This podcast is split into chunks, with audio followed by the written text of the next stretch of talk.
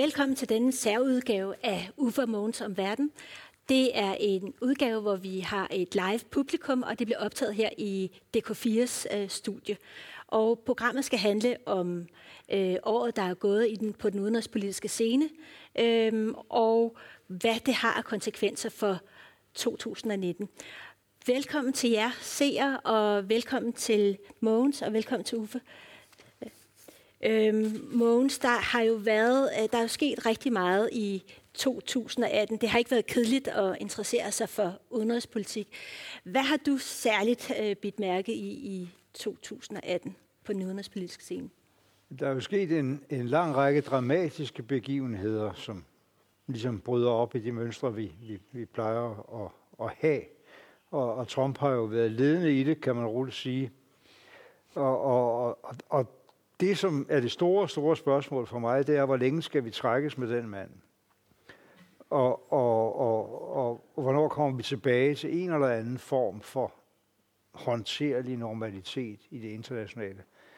Og, og, og måske er det aller, aller mest kritiske på den lange øh, bane, vi, vi, vi kan se, det er, hvis han får lov til at fortsætte sin, sin krigsførelse med Kina. Altså, vi er jo i en verden, hvor, hvor det 21. århundrede vil der være en, halvanden, to supermagter. USA vil stadigvæk være der, øh, Kina vil, øh, vil, vil, vil også være der i løbet af det her århundrede. Og det er helt, helt afgørende, som jeg, jeg husker, Henrik Kissinger sagde til mig en samtale, vi havde over en, en middag i 2005 i den der suspekte Bilderberg-klub, at, at noget af det allermest afgørende for, hvordan øh, fremtiden former sig, det er, at de der to kan finde ud af, ja, de har interessemodsætninger, men ja, de har også enorme fælles interesser at forvalte. For det er jo ikke som USA og Sovjetunionen. Der er en militær konfrontation, men der er ikke noget særligt økonomisk samkvem. Her har vi et enormt økonomisk samkvem. Og hvis det får lov til at bryde ned, øh, så rammer det ikke kun USA og Kina, så rammer det os alle sammen. Vi kommer til at vende tilbage til Kina senere hen i, i, i udsendelsen, men Uffe, er du øh, enig med Mogens om, at det ja, er bestemt, og, og når jeg sådan kigger tilbage på året, så er der utrolig mange ting, der har gjort indtryk. Jeg kan godt sige, sådan noget, der står tilbage rent personligt. Det var at tage til Estland og besøge de 200 danske soldater, der er kommet til Estland, som øh, øh de er med i det, der hedder NATO's forstærkede fremskudte styrke. Og det er det der, den der øh, vejbomb eller snubletråd, der nu er spændt ud, hvor en hel masse NATO-lande sidder nu i de baltiske lande og i Polen, og vel, det er en brøkdel af, hvad russerne har soldater lige over på den anden side af grænsen. Men de er der for at markere, at her er NATO, og skal ikke komme og lave noget dumt. Og det var så skægt at se det op, hvor de der 200 danske soldater var. Og jeg kan sige jer, det var en fornøjelse at besøge dem. Kors var de dygtige, dem der er der.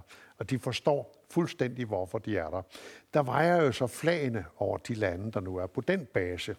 Det estiske flag selvfølgelig. Det britiske flag, fordi britterne var der med 800 mand, de har kommandoen. Det danske flag. Og det islandske flag. Der var én islænding. Og da det ikke er noget forsvar, så var det jo en fra det, øh, den, den islandske kystbevogtning, i øvrigt en nydelig dame. Øh, men uh, der er de jo lært at skyde både med skibskanoner og med håndvåben. Så Island var med, og det islandske flag var der.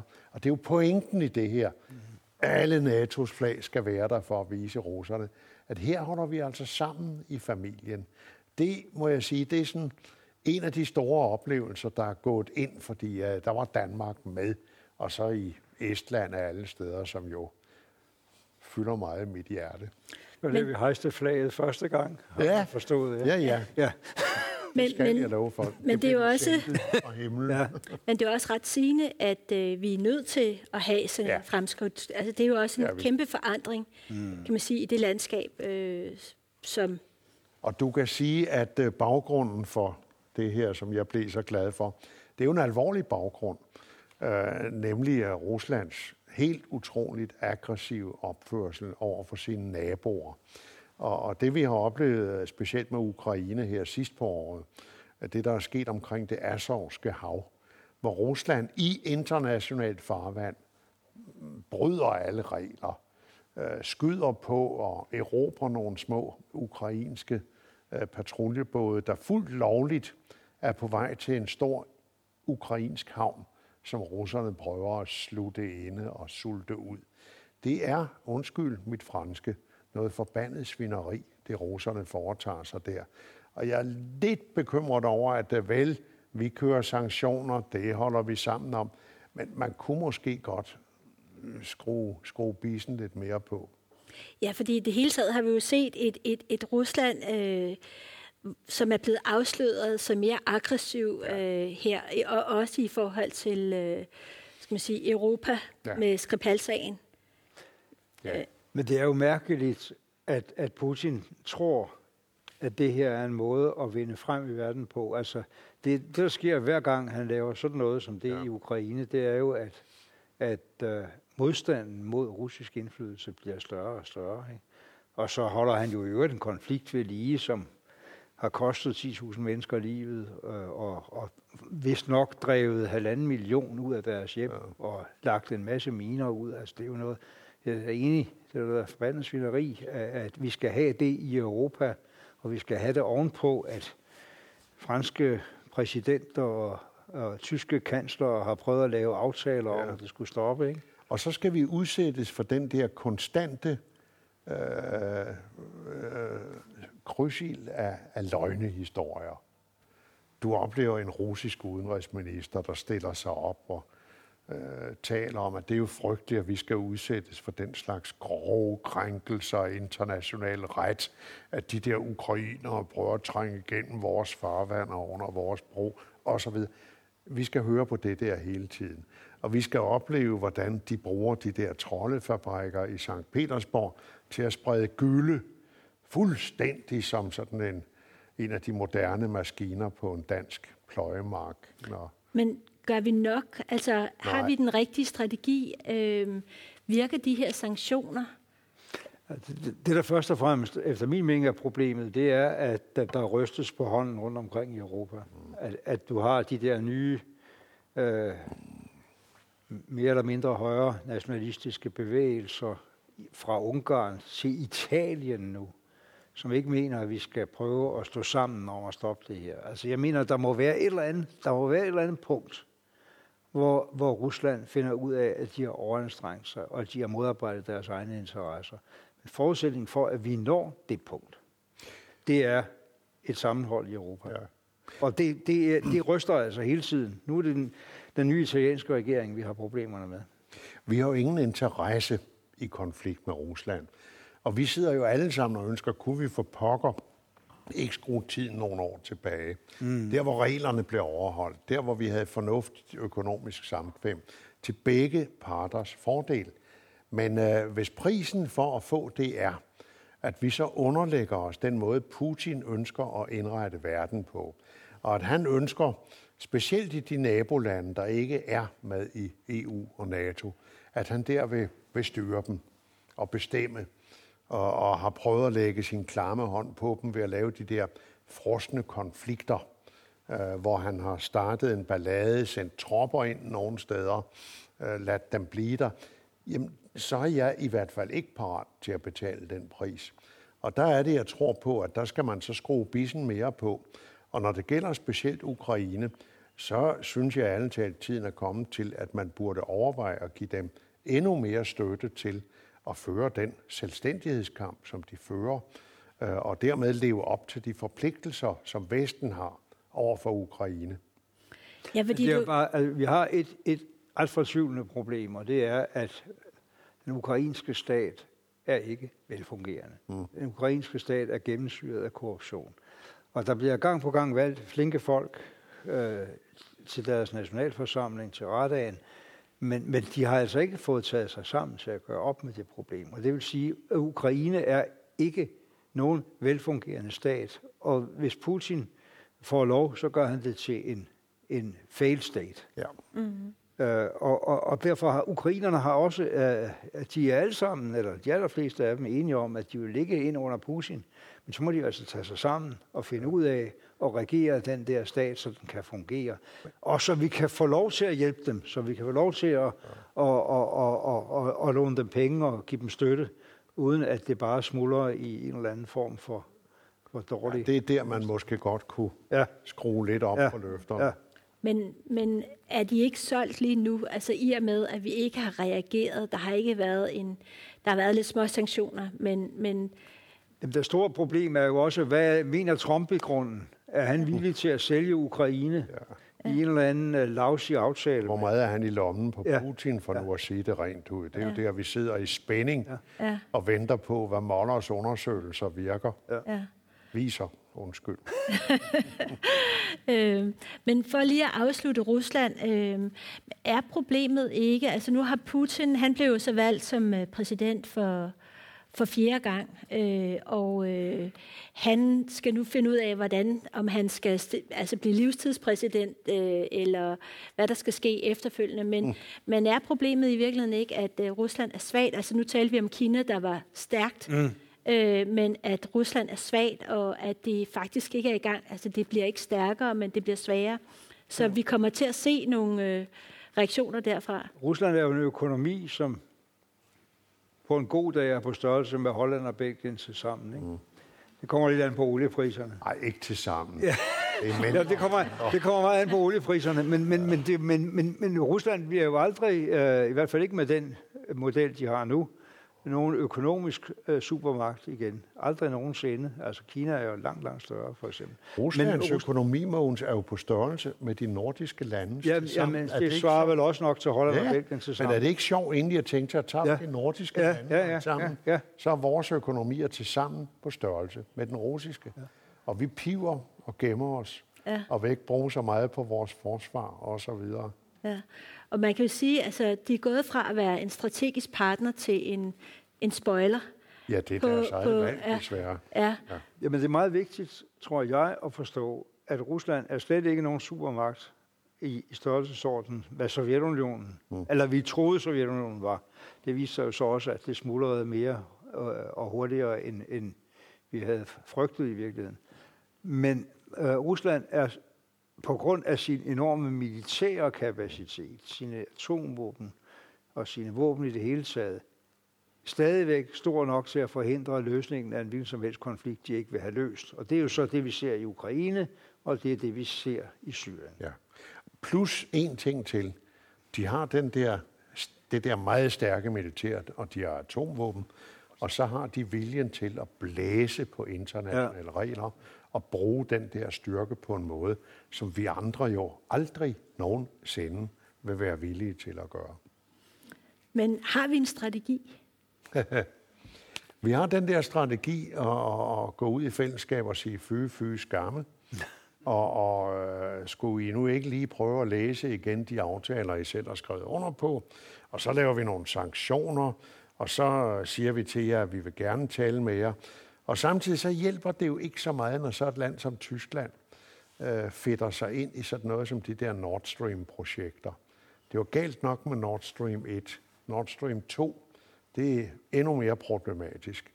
Og der har Rusland jo også systematisk købt tidligere europæiske toppolitikere, købt dem til at være øh, russiske agenter i alt det her. Så det er noget af det, vi kommer til at dele med også i 2019. Helt fremme. er jeg bange for. Ja.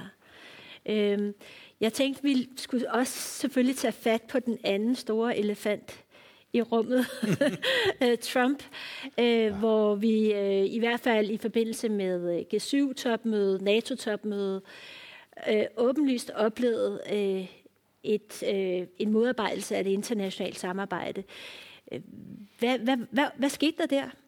Jamen jeg tror, for det første må man sige, hvis der stadigvæk findes nogle kommentatorer derude, der tror, de kan rationalisere, at Trump i virkeligheden mener noget fornuftigt, så tager de fejl. det findes ikke. Uh, altså, vi er oppe imod uh, noget grænseoverskridende gak. øh, som, som øh, man, man som sagt kun kan håbe øh, går over. Ikke? Altså, og noget, som hele tiden forskubber sig, og man kan ikke håndtere det, og det kan godt være, at, at general Mattis og den, der på et eller andet tidspunkt er udenrigsminister, øh, tror, der er et manuskript for, hvad den mand siger på et NATO-møde, men det er ikke det, der sker. Og det vil sige, verden ved ikke, hvor de har de forenede stater. Vi ved det ikke i den diskussion, vi lige har haft omkring, hvad, hvad, hvad mener vi egentlig om Rusland, og laver vi lige pludselig, ser vi lige pludselig en aftale hen over hovedet på Europa, hen over hovedet og på bekostning af Ukraine, øh, fordi de der russiske forbindelser kunne syd på, det var en mulighed. Altså, den dansker, der ved mest om udenrigspolitik, og det er jo Erling Bjøl, der ja. er blevet 100 år. Ja. Han har jo altid sagt det der med, at i udenrigspolitik, der betyder den enkelte person utrolig meget mere, end man egentlig tror. Systemer, når ja, aftaler, ja, ja, men den enkelte person. Og det er jo derfor sådan en person som Trump virkelig er en disruptor, som det hedder på, på nydansk. Men når så man prøver at læse alle de beskrivelser og analyser, der er blevet af mandens måde at fungere på, øh, så er det jo, man virkelig gyser. Fordi du har at gøre med en mand, der stiller med en overordentlig tvivlsom moral. Øh, han kunne ikke længere låne i amerikanske banker. Han havde svindlet alt for meget. Øh, tvivlsom moral i mange hensener, og så manglende viden, øh, manglende interesse i at læse briefs, lytte til dem, der kommer og vil fortælle om noget. Han tror på sine egne mavefornemmelser. Og når de kommer fra øh, et menneske som ham, så er det næppe altid sunde mavefornemmelser. Og det er i hvert fald ikke noget, der bygger på viden eller forståelse om verden. Og han har så nogle meget primitive idéer om økonomi, om hvordan verden fungerer osv. Og det er så det, den person i kraft af placeringen i det amerikanske system har en utrolig stærk mulighed for at føre ud i livet. Og det er det, vi har set i de sidste to mm. år. Mm. Altså prøv bare at tænke et år tilbage. Mm. Der sagde vi, ej, det vi har oplevet det første år med ham, det, øh, det kan sgu ikke fortsætte. Og det er blevet ved, mm. og det er blevet værre. Og, og det er derfor, jeg er enig med Mogens, der tidligere sagde et eller andet med, altså vi sidder og venter på, hvor længe kan det her fortsætte? Det kan det da ikke. Og alligevel, det har vi set hidtil. Og så er der nogen, der taler om, jamen, uh, han kan også gå hen og blive genvalgt. Altså jeg sidder og håber sådan, at Moller, der meget systematisk har indkredset denne person nummer et, som han nu har begyndt at hedde, i de uh, udtalelser, der kommer frem, at uh, efterhånden så bliver murerne, de bliver trængt rundt omkring ham. Åh, oh, det vil jeg gerne se en dag. Men... Der, er så, der er så mange, der, der, der siger, at han bliver nok genvalgt, og demokraterne kan ikke finde ud af noget som helst osv. Altså, det, det, vi mangler selvfølgelig at se, hvem er det personen er. Det betyder meget. Men jeg er på den måde optimist, at Hillary vandt præsidentvalget med plus 3 millioner stemmer og tabte valgkollegiet. Denne her gang til kongressen var der 9-10 millioner stemmer i overvægt til demokraterne. Og hvis vi bare har noget i den retning, øh, til næste præsidentvalg. Så kommer vi i hvert fald af med ham der. Men vi har to år til næste præsidentvalg. Ja, ja, ja og der kan ske rigtig mange ja. øh, alvorlige skader på den her verden i mellemtiden. Og når jeg tænker tilbage på sådan mit liv, der starter der i årene efter 2. verdenskrig, hvor jeg for, for alvor bliver bevidst om, hvad sker der, så er det jo en verdensorden, der bliver skabt der hvor FN-systemet bliver bygget op, hvor vi i Europa begynder på den der europæiske integration, som jo var en amerikansk opfindelse. Ja. Det var betingelsen for, at vi i sin tid kunne få Marshallhjælp. Uh, vi får NATO. Alt det, der kommer til at betyde noget. Og så gennem den kolde krig. Det har været et regel- og aftale-baseret system, som amerikanerne stod i spidsen for. Og hvor det, vi, vi sådan kalder det liberale demokrati, blev den samfundsform, som vi gerne vil leve i. Og så efter den kolde krig, aftaler, der gør det muligt øh, øh, igen at, at brede det her ud til den del af Europa, der havde ligget bag jerntæppet så længe. Og så pludselig opleve, at en amerikansk præsident går i spidsen for at undergrave det her system. Øh, jeg havde aldrig troet, at jeg skulle opleve det, og jeg håber virkelig, at det andet Amerika vender stærkt tilbage på et tidspunkt. Men øh, var I, har I været bekymret på samme måde før? Altså fordi, jeg kan huske i 80'erne, da jeg var ung, der, øh, der var vi jo meget anti-amerikanske i virkeligheden, mm. anti-Reagan, og vi var bekymrede for, mm. for, at der ville udbryde en, øh, en atomkrig, og det var lige så meget USA's skyld, som det var øh, Sovjetunionens skyld. Øh, og det var en stor bekymring, der ligesom dominerede mit ungdomsliv. Ja. Øh, jeg har I... sagt også mit. ja. Ikke så meget. Nej, men, men, men, men, men, men vi, så, vi ved jo nu, at der var et par episoder i 80'erne, hvor vi var uendelig tæt ved at få trykket på de forkerte knapper. Mm. Vi havde situationen, vi, vi, vi så, hvor nervøs stemningen var, da det koreanske passagerfly blev skudt ned i 1983, og vi har historien om ham der, der sad inde i kontrolrummet og så en forkert, øh, et forkert billede af en angribende raket og besluttede sig for ikke at følge sine ordre. Altså, vi var meget, meget tæt øh, og mistænksomheden var enorm stor i 80'erne. Og, og Reagans start øh, var måske farlig. Det var i hvert fald mening, min mening dengang. Øh, men så skete der jo så omvæltningerne i Sovjetunionen, og der skete også noget med Reagan selv, da han mødte en mand, han kunne tale med i form af Gorbachev. Og, og, og når, man, når man skal tænke over, hvordan kommer vi ud af Putin-syndromet, ja, så er det jo håbet om, at der kommer en mand igen, der indser, at Rusland er endnu mindre rustet til at, at gå ind i et langvejt uh, øh, øh, våbenkapløb, end de var i 80'erne. Men, men, men, men altså, der var mange bekymringer dengang, og berettigede bekymringer om, at, at et rustningskapløb og, og det var måske den uenighed, vi havde, som hed fodnoterne. Men altså, var det virkelig nødvendigt at ruste så meget op i Vesten, og blev det en ond cirkel og en øget mistænksomhed, der til sidst endte i en krig? Vi ved ikke, hvad, svaret var, fordi det opløste sig. Oh. Det opløste altså, sig. Okay, i modsætning til dig, Mogens, så er jeg jo en gammel koldkrig. Ja, det ved jeg godt. Og jeg vedstår det gerne, jeg er ligefrem ja. stolt af det. Ja, ja. Men uh, Reagan, han var og er min held.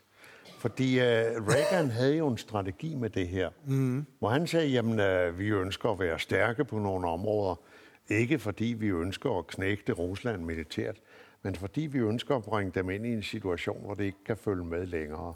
Og det var øh, noget, han allerede, da han sad som guvernør ude i Kalifornien, havde siddet og holdt nogle radioforedrag om.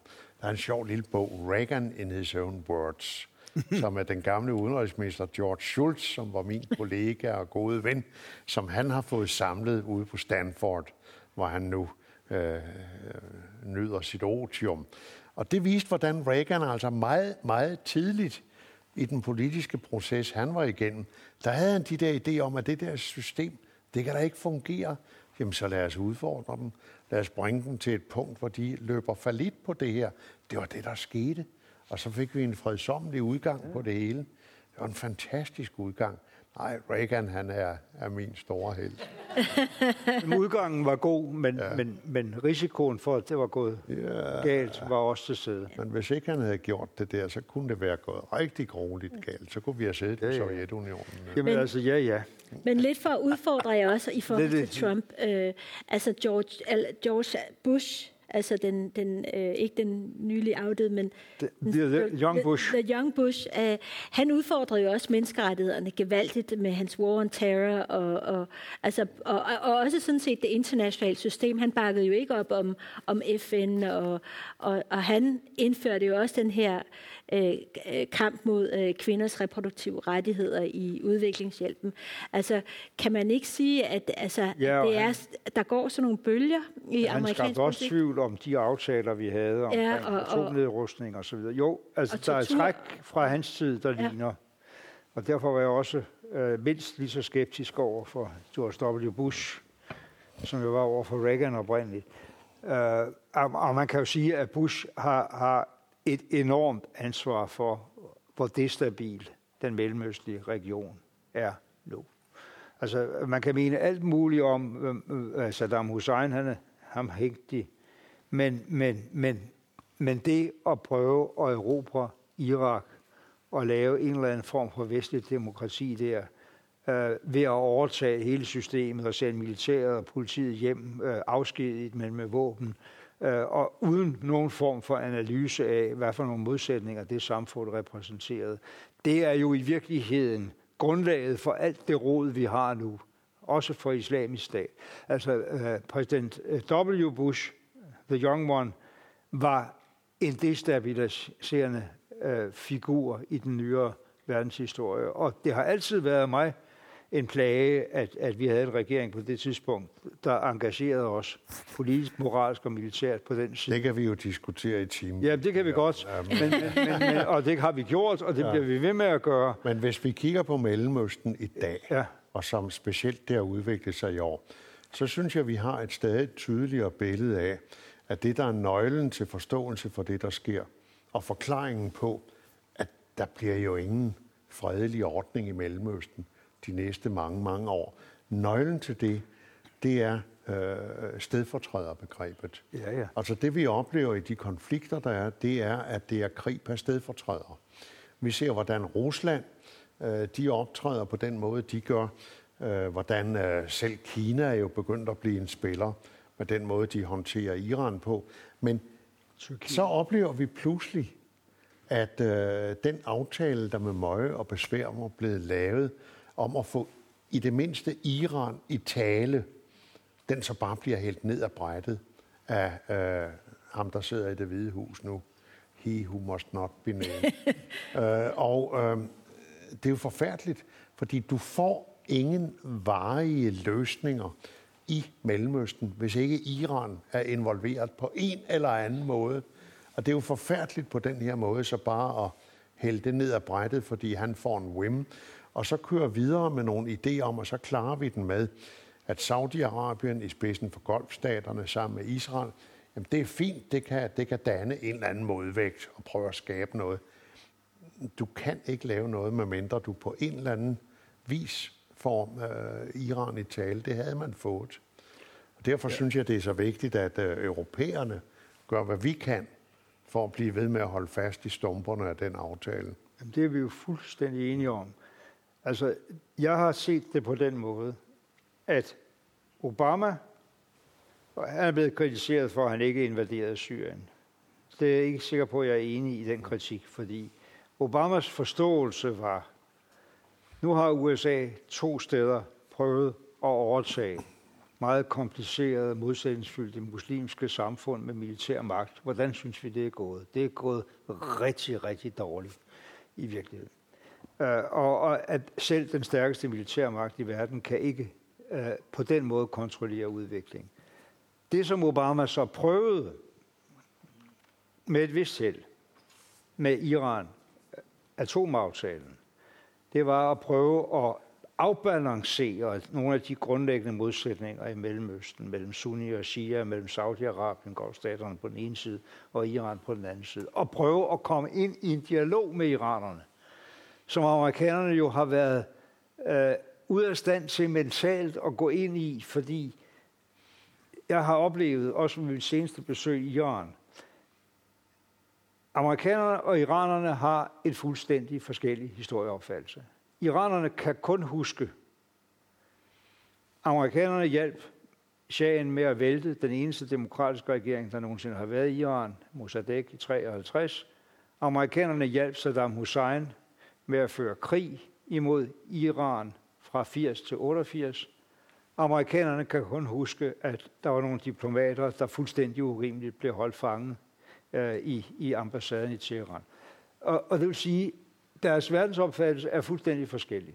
Obama prøvede at bryde det der ned i en forståelse af, at du får aldrig nogensinde fred i det mellemste østen, som Uffe også sagde, hvis ikke de der hovedspillere øh, begynder at kunne snakke med hinanden, og hvis ikke vi presser dem til at snakke med hinanden. Det, der sker nu med, med Trump, det er fuldstændig vanvittigt igen, at han fuldstændig ensidigt både opruster og støtter Netanyahu og Mohammed bin Salman imod Iran.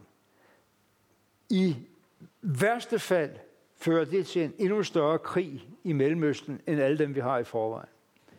I bedste fald fører det til, at Kinas indflydelse i Mellemøsten bliver dramatisk øget, fordi mm. de satser på Iran. Altså, den strategi er helt afsindigt disruptive. Uh, hvor Obama prøvede ikke bare i forhold til Iran, aftalen at se atomaftalen som selvfølgelig et, et uh, fastfrysningsinitiativ i sig selv, der var vigtigt, men også en begyndelse til at kunne inddrage Iran i forhandlinger i det hele taget om Mellemøsten. Og, og hvor Kerry også samtidig prøvede at få liv i den israelsk-palæstinensiske konflikt. Nu har vi en Obama, der, der fuldstændig ensidigt satser på Netanyahu, Nej, Hans Bush, øh, hvad? Ikke en Obama. Øh, nej, en, en Bush, øh, nej, bla, bla, bla, bla, en, Trump, øh, som fuldstændig ensidigt satser på, på Netanyahu, på annekteringen af det muslimske Jerusalem, på anerkendelse af bosættelserne, på fornægtelse af flygtningeproblemet, på accept af, sender svigerdatteren ned og står og ser på nedskydningen af flere hundrede mennesker i Gaza i protest mod den amerikanske ambassade i, Jerusalem. Altså, alt er forkert efter min mening, i forhold til, hvis man nogensinde vil have fred i den der Jeg synes, det, der er lidt, lidt uhyggeligt, det er at prøve at følge med i sådan nogle af de styrkeopbygninger, der er ja. i regionen, hvor, og der vender jeg så tilbage til det der med stedfortræderkrig. Ja. Altså Ruslands massive opbygning i Syrien. Og så det at se, hvad Hezbollah, der jo er et redskab for Irans revolutionsgarde, hvor de jo i dag råder over så mange soldater og så mange raketter, at Israels forsvarssystemer, som ellers er meget avancerede, de vil slet ikke kunne klare det der. Så hvis pludselig der udløses en eller anden konflikt, øh, der bliver til en skydekonflikt, øh, så kan det jo netop, netop føre til den der meget alvorlige krig, øh, som Mogens taler om. Det, det, det synes jeg er noget af det rigtig uhyggelige for øjeblikket. Og jeg tror, at noget af det, som vi er blevet akut opmærksom på i Europa, det er i virkeligheden, hvor tæt Mellemøsten er for os. Ja. Og det er jo derfor, vi ikke bare kan melde, melde fra, fordi vi har set, hvordan der jo er spillet bevidst på øh, og, og gå så brutalt til værks, øh, at man lader flygtningestrømmen skylle op mod Europa. Så Men altså, øh, det som er sket med mordet på, på, på journalisten der i Istanbul, det er jo, at man om sider har fået lygte på, hvad det er, saudierne har gang i.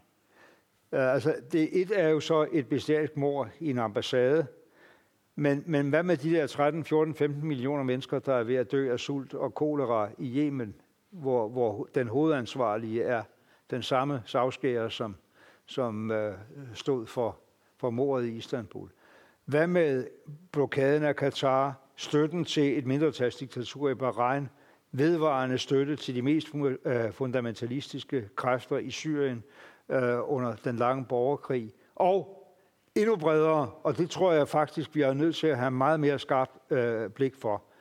Saudi-Arabien har i, i hvert fald de sidste 20-30 år systematisk støttet de mest fundamentalistiske og militante øh, islamiske bevægelser, både i Afrika og, og det sydlige Asien, og, og har været øh, grobund, som har været grobund øh, for det meste af det terrorisme, vi har set. Altså, de fleste af de internationalt anerkendte terrorister har været saudiske statsborgere, og det er ikke nogen tilfældighed. Vi er nødt til at forholde os langt mere øh, sammenhængende på det der. Men det, man har gjort hen til, det Trump gør nu, det er, at han bliver ved med at opruste det der regime. Sådan at Saudi-Arabien har et større militært budget end Rusland. Men kan man ikke sige, at der sådan set er ved at opstå en splittelse mellem, skal man sige, en amerikansk sikkerhedsopfattelse og en europæisk sikkerhedsopfattelse jo, jo, jo. i forhold til Mellemøsten? Jo. jo. Øh, fordi du har, altså, i forhold til vores uh, sikkerhed, der har vi en, en interesse i en, i, altså en atomaftale med Iran. I forhold til uh, vores sikkerhed, der har vi en interesse i, at uh, i virkeligheden at begrænse Saudi-Arabiens indflydelse i forhold til både terrorisme og andet. Ja. Øhm, hvad, hvad, stiller, altså, hvad sker der, hvis vi får de her to forskellige sikkerhedsopfattelser? Altså det, vi ser for øjeblikket, det er, lad os nu være åbne om det, Syrien er tabt. Ja. Uh, og det er der jo mange ting, grund og årsager til. Det behøver vi vel ikke tvære rundt i, men Syrien er tabt. Rusland har fået tilbageerobret indflydelse blandt andet ved særdeles brutal optræden og ved at spille med alle mulige kort. Øh, Iran øh, er blevet en ny risikofaktor. Saudi-Arabien, det er rigtigt alt det, Mogens siger. Læg mærke til, hvordan alle mulige prøver sådan at kigge lidt den anden vej og sige, ja, det er frygteligt med ham, den der store, flotte kronprins. Mr. Bonesaw, som de kalder ham uh, og, og, og, men men uh, tænk, hvis uh, kongedømmet falder, hvad kommer der ikke i stedet for? Det kan blive meget værre. Og tænk, hvis de svækkes over for Iran. Og alt det der. Så uha. Uha. Men, men vi skal jo stadigvæk, kan man sige, vi havde jo et fælles øh, angreb af EU, England og USA i forhold til, ja. til Duma i Syrien her jo, jo, i det og det var, da der blev brugt giftgas igen. Ja. Og, og derfor vende tilbage til øh, Obama. Jeg mener, at den fejl, han begik, var, at han trak den der streg i sandet og sagde, at hvis der bliver lavet giftgasangreb, så slår vi til. Det gjorde han så ikke. Jeg så kan godt se, at det, det er rigtigt, at han ikke gjorde det. Han, øh, det er jo efterfølgende blevet forklaret med, at da det i det britiske parlament øh, blev vedtaget, at øh, britterne ville ikke være med til sådan noget, så kunne han godt se, at han kunne nok heller ikke få sine egne med. Og så gælder jo det, der, der hedder Obama-doktrinen. Ja. Don't do stupid shit. Undskyld mit franske.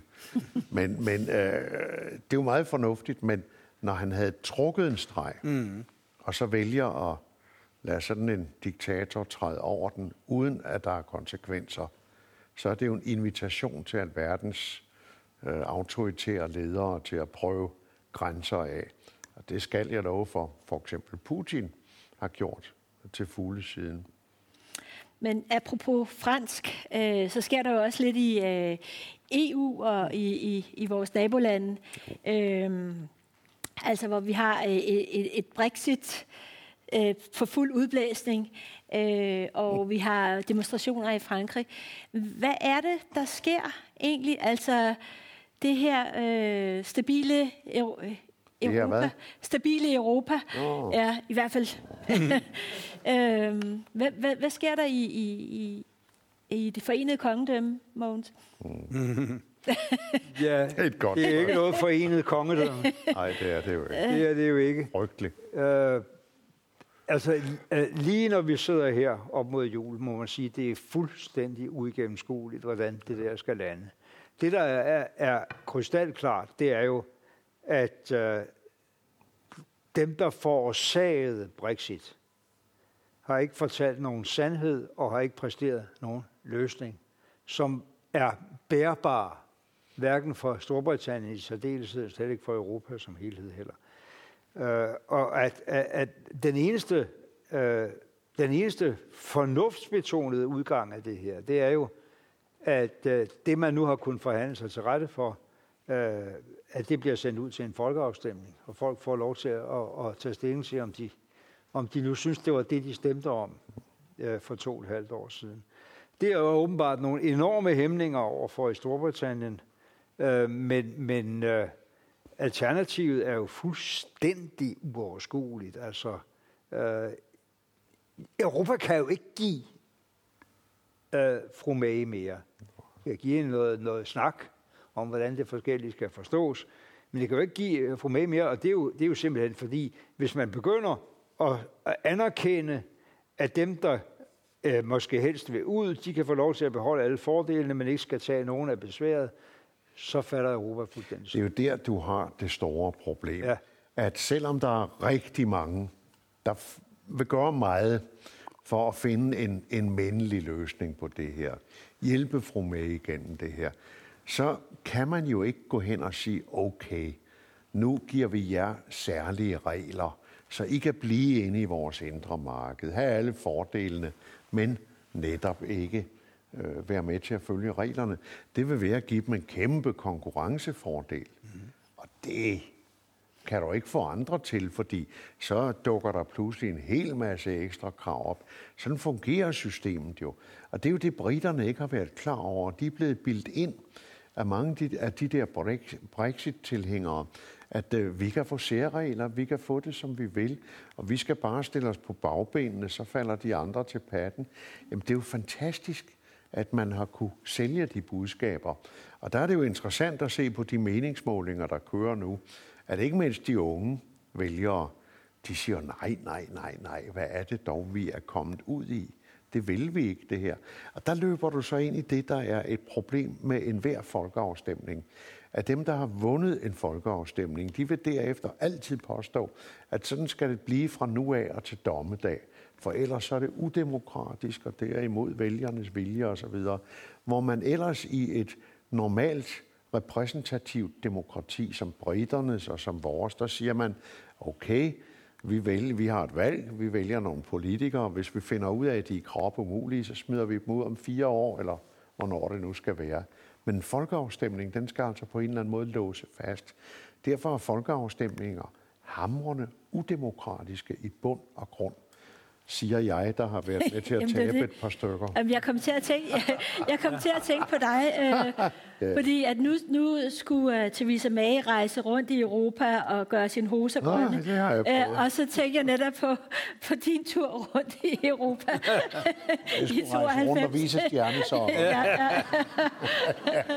jo, ja, ja. ja. Men uh, det, det, det er frygteligt for den stakkels dame hun må rundt i leopardskoene der og se, om hun kan charme sig igen. Ja. Men, men I, giver, I giver ikke nogen... Øh... Jamen, det kan man jo ikke, Ej. fordi man kan ikke på den måde sige, ja, selvfølgelig skal I have en belønning for, at I nu vil stikke af fra det hele. Ja. Det kan man jo ikke.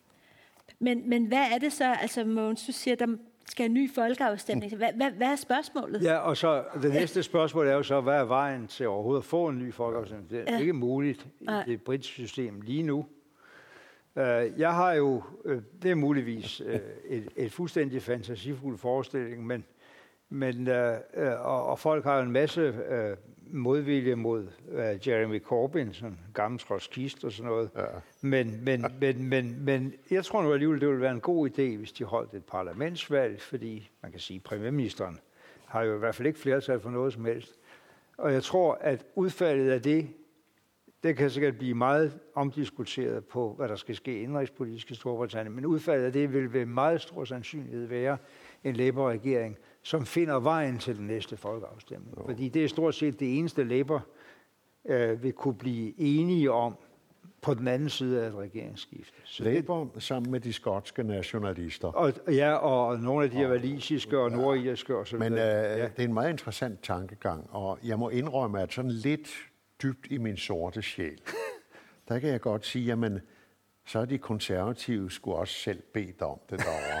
Fordi øh, så får de en Corbyn, der går i gang med at nationalisere til højre og venstre, så kan de virkelig mærke det.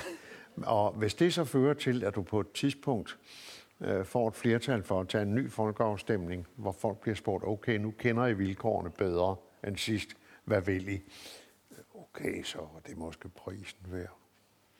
Men jeg synes, men det er grimt ting. Ja, det, ja, det er meget grimt ting. ja. Jo, men der, de skal jo have mere tid. Ja. Og det er ja. måske det eneste, EU kan give dem. Ja. Det er mere tid, hvis de overhovedet kan finde ud af at bede om det.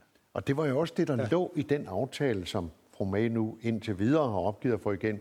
Det var jo i virkeligheden at vende tid, fordi det var jo ikke en aftale om, hvordan de fremtidige vilkår skulle være. Det var at sige, okay, nu kører vi videre på de her områder, for at undgå at få genskabt en grænse imellem Nordirland og Republiken Irland.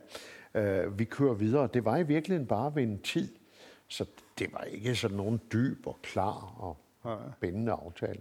Der har jo været nogle danske partier, som har som ligesom har sagt, at altså, den britiske aftale kan blive en model for Danmark. Ja. Hvordan vurderer I det? ja, det tror jeg, det tror jeg har færre og færre tilhængere, Flipbot. Ja. hvis de har sat sig altså, ind i det. Hør nu her. Hvis du kigger på det indre marked, der har du, som jo er blevet stridspunktet her, så har du jo i virkeligheden kernesvaret på det her spørgsmål, nemlig hvorfor skal Danmark klamre sig til EU? Fordi indre marked har jo virkelig, virkelig været det, der har givet os den velstand, vi har i dag. Men altså, jeg, jeg vil godt gøre en enkelt tilføjelse til, jeg er faktisk enig i den der øh, kritisable holdning af folkeafstemninger, skal man ikke holde for mange af. uh, jeg kan huske et møde, den korte periode, hvor jeg var formand for Dansk Socialdemokrati med europæiske ledere, blandt andet Hollande, uh, nede i Bryssel, hvor jeg sagde, jeg har et eneste råd til jer, og det er, sæt aldrig en folkeafstemning i gang, som I ikke er forfatningsmæssigt forpligtet til at ja. sætte i gang. Ja. Hvis I vil bevare det europæiske samarbejde. Det er vores erfaring. Vi har nogle forpligtelser, det er vi øh, nødt til at respektere, men, men, men vores erfaring er, lad være. Fordi de kommer altid til at handle om noget andet. Og de har det der i sig, som Uffe har beskrevet, at, at de, de, de lukker af for at træffe nye og klogere beslutninger, hvis man finder ud af, at man gjorde en fejl. Men, men der sker jo også lidt i Frankrig de her dage. Jo. Ja. Øh, hvad er det, der sker her? Altså, øh, vi er jo vant til, at franskmændene de går på gaden, men, men, men det er sådan på en helt ny måde i virkeligheden. Ja. Det du oplever er vel i virkeligheden noget, som du ser mange andre steder, og noget, der ligger bag mange af de mystiske bevægelser, der er sket. Det er, at øh, der er nogle mennesker, der virkelig er blevet så klemt af det hele, at de er svært ved at få tingene til at hænge sammen. Altså når du bevæger dig ud på landet i Frankrig, så mm, er der ikke den samme velstand, som du oplever, når du går ned ad Champs-Élysées. øh, og og øh, de er blevet trætte af nu, at de føler sig overset, og de er klemt, og nu kan de sgu ikke få det til at hænge sammen mere. Og det er jo lidt det, du også så. Noget af det, der var bag ved Brexit.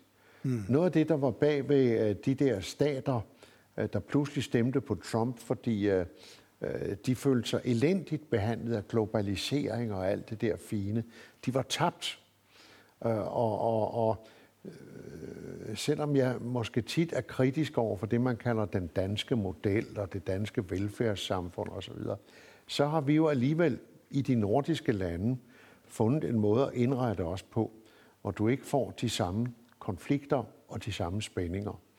Og, og øh, det er den type konflikter, du ser i Frankrig.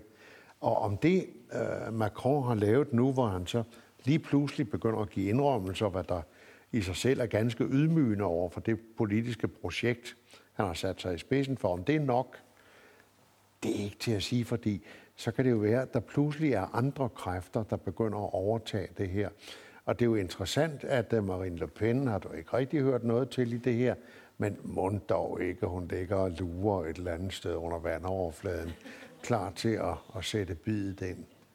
Men er det ikke også noget med, at der mangler et partiapparat, et, et dialogsystem, et, øh, ja.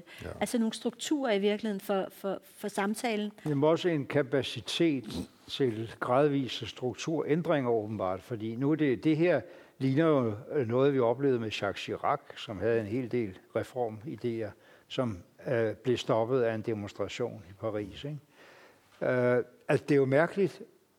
General de Gaulle opbygget et politisk system i Frankrig, som med overvældende sandsynlighed betyder, at vinderen tager det hele, og at, at præsidenten har øh, en mulighed for formelt, lovgivningsmæssigt, at gennemføre sin politik, fordi han har sit eget flertal. Det har vi jo andre jo aldrig oplevet, men, men vi har jo så fået lavet et eller andet alligevel en gang.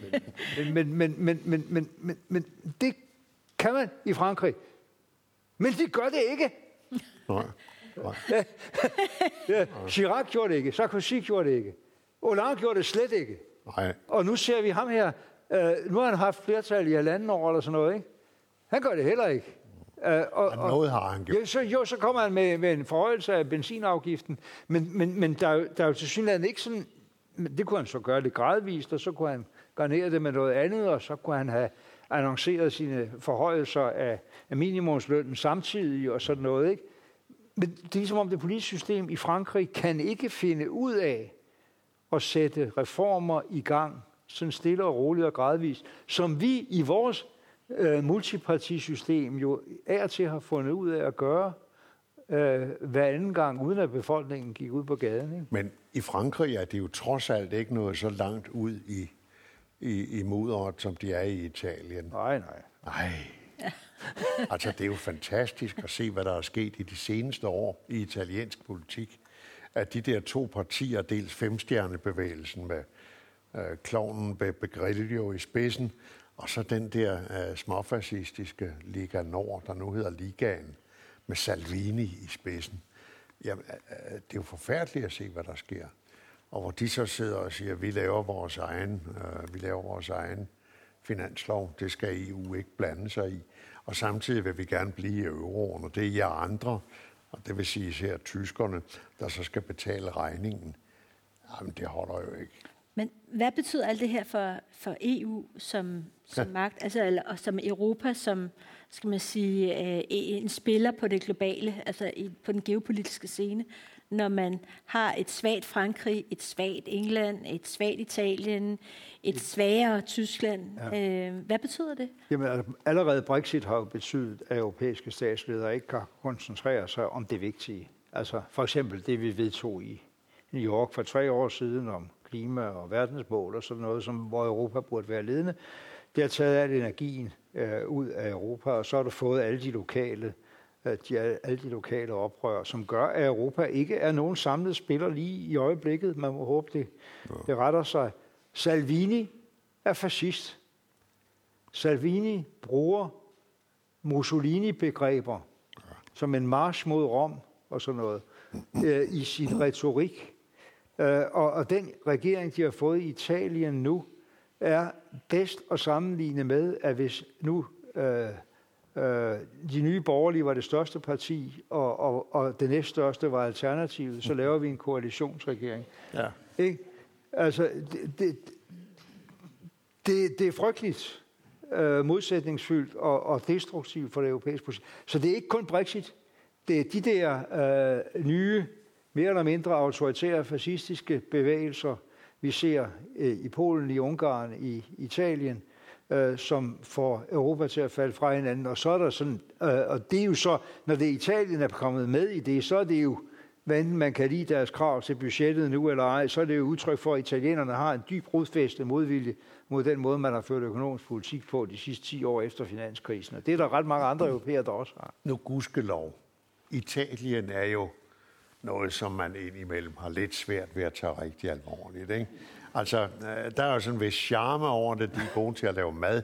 Øh, de fleste mænd bor hjemme hos mor til de er midt i 30'erne. Ikke? Altså, italiensk politik, alt det der, det kan vi ikke tage alvorligt. Det, jeg synes var meget mere alvorligt, og som fik lov til sådan set at, at starte den bevægelse, der ruller mange steder, øh, det var det, der skete i Ungarn, da Orbán lige pludselig fik så stærkt et flertal, at han kunne lave grundloven om, og han så begyndte at pille ved nogle af de grundprincipper, øh, der gælder for, hvordan man skal opføre sig og indrette sig. Altså det, der under et samlet begreb hedder det liberale demokrati. Og det er jo et begreb, som selv Mogens har anerkendt, fordi der ligger jo ikke noget politisk i det. Der ligger så noget med, at øh, det er, er, er menneskerettigheder, det er individets rettigheder, mindretalsbeskyttelser, domstolenes, øh, domstolenes uafhængighed, pressefrihed, alt det her, ikke sandt? Øh, lov og ret og alle de ting, det begyndte han lige pludselig at pille ved. Og ændre på domstolene, ændre på pressefrihed, ændre på centralbankens muligheder, hele vejen igennem. Lave om på øh, øh, valgsystemets opbygning, så det blev endnu lettere for hans parti næste gang efter det der såkaldte gerrymandering, altså ændringer af valgkredse, pludselig at komme det slap han godt fra. Og det var øh, set i bagspejlet, der var det en stor, stor fejl, at resten af Europa ikke sagde, hov, vi glemte noget dengang, da vi lavede den store udvidelse i København. Vi glemte at lave nogle instrumenter, til at bruge på dem, der ikke lever op til de regler, vi har aftalt her. Der var i virkeligheden kun den ene, det ene instrument, som man kalder atomvåbne, det er at fratage dem stemmeretten. Og det er alligevel så stærkt, så det vil man tøve med at bruge.